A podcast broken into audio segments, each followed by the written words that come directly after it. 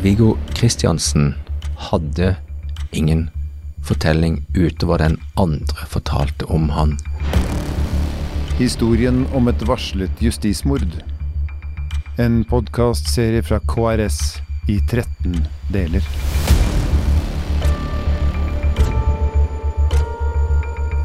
Del 5.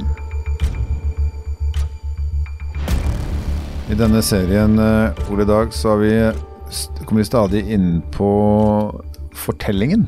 Altså hvilken fortelling man forholder seg til. Hva som på en måte er den rådende sannhet, da. Og som man forsøker å finne byggestener til å egentlig forsterke. Eh, og fortellingens eh, kraft. Viggo Kristiansen, eide han noe fortelling i det hele tatt? Eller var han eh, bare en eh, brikke i, en, eh, i alle andres fortelling? Fortellingens kraft og, og Viggo eh, er jo eh, en veldig spennende diskusjon. En diskusjon man helst ikke ville ha i et moderne samfunn, hvor vi tenker at eh, bevisene taler for seg, man får fram sannheten, og så skal man plutselig snakke om eh, kraften i noens fortelling. Og skal det virkelig bety noe? Og så er det jo åpenbart, når man ser tilbake, at eh, fortellingen har betydd ekstremt mye. Og uh, Viggo Kristiansen hadde ingen fortelling utover den andre fortalte om han, og det tror jeg vi kan si har betydd mye mer enn det vi ante. Eh, For å ta litt tilbake til pågripelsene 30.9.2000, så Ben Fegran, som eh, var advokat og forsvarer for Jan Helge Andersen, han var veldig tydelig veldig tidlig å skape et bilde av Jan Helge som en etterdilter til eh, Viggo, og at Viggo var den eh, tøffe og den sterke og den førende. Jeg har ikke sjøl vært så opptatt av dette, men jeg ser at det har vært utrolig viktig i etableringen av grunnfortellingen eh, om hvem disse to var. Eh, så Ben Fegran og Jan Helge Andersens historie om han som etterdelteren ble premissgivende for forståelsen av hvordan dette kunne ha foregått. Og eh, hadde da Viggo Kristiansen hatt en forsvarer som ønsket å lage en alternativ fortelling, så var det muligheter for det, men den muligheten grep ikke Viggo Kristiansens advokat og forsvarer Tore Hilding Pettersen. Ergo så ble fortellingen om Viggo Kristiansen fortalt av andre og gjennom hans gjerninger og misgjerninger. Ergo så ble det etablert en fortelling om han som en, eh, som en skyldig eh, person, eh, en ond person som eh, ikke kunne gjøre noen ting godt. Og det er jo vanskelig å skulle erkjenne at slike fortellinger skulle bety mye, men jeg tror vi må erkjenne det. Og fortellinger om, fra retten om hvordan folk fremstår, det har det vært flere forskningsprosjekter på, og det har vært skrevet flere ting om det de siste årene. Og jeg har sjøl blitt i min eh, hva vi kaller for noe, granskning av hvordan dette justismordet skjedde og kunne skje, blitt veldig oppmerksom på eh, fortellingens kraft. Allerede i 2014 da, så var det et forskningsprosjekt som en, munnet ut i en bok eh, som ble hetende 'Justismordets dramaturgi'. Og der er en dramaturgi i retten. Man må tenke seg at i rettssalen så er det en slags form for et teater. eh, fordi at eh, en retts, akkurat som en film, akkurat som en bok, det er en komprimering av virkeligheten.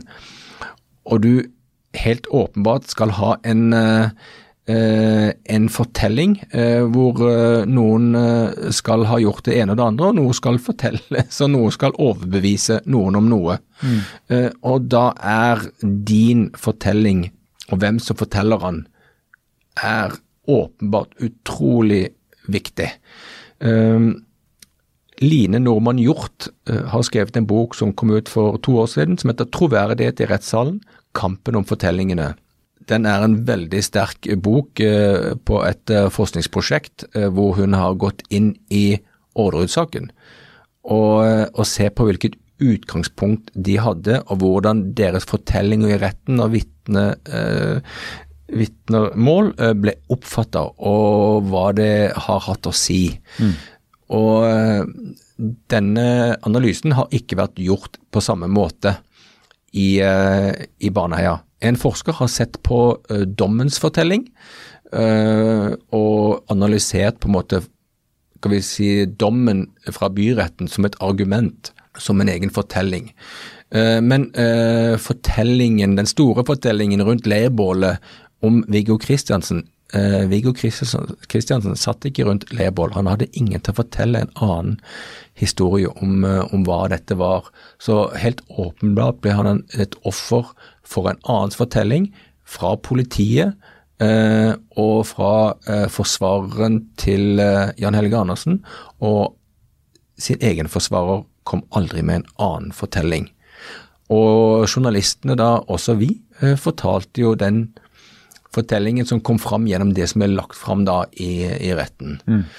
Uh, og uh, Viggo Kristiansen var i så måte også sin skal vi kalle det for, sin egen fiende. Altså Han uh, forsto jo ikke konsekvensene av å være en som forteller litt ha og litt da, og, og var litt sånn Han skapte ikke en historie heller? Han skapte Nei, altså han hadde ikke sjans, ingen fortalte det engang at du må jo lage den fortelling her. Mm. Uh, må lage deg din historie som henger sammen om hva som skjedde her.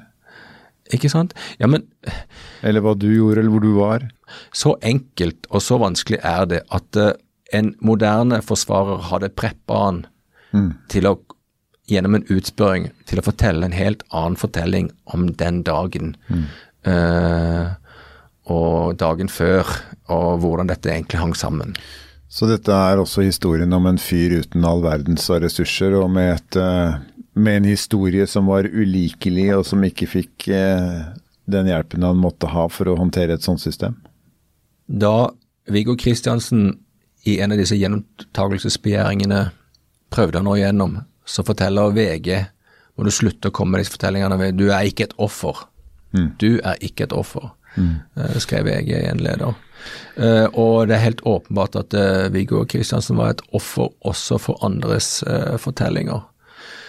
Og i våre egne liv så har vi veldig behov for å ta kontroll på historien om oss sjøl. Mm. det gjør vi både på Facebook og Instagram og i, og i møte med venner og kolleger. Og alt annet føles jo feil. Alt annet føles feil. Og, og Viggo hadde gjort mye gærent. Han uh, den historien som ble skapt av han, hadde jo også mange riktige elementer. Mm. Uh, og det er utrolig uh, vanskelig å erkjenne hvor mye det har å bety et moderne samfunn. Altså, må, Det å lage din egen fortelling betyr jo alt. Men vi vet jo det fra reklamevern, fra journalistikken og, og alt mulig.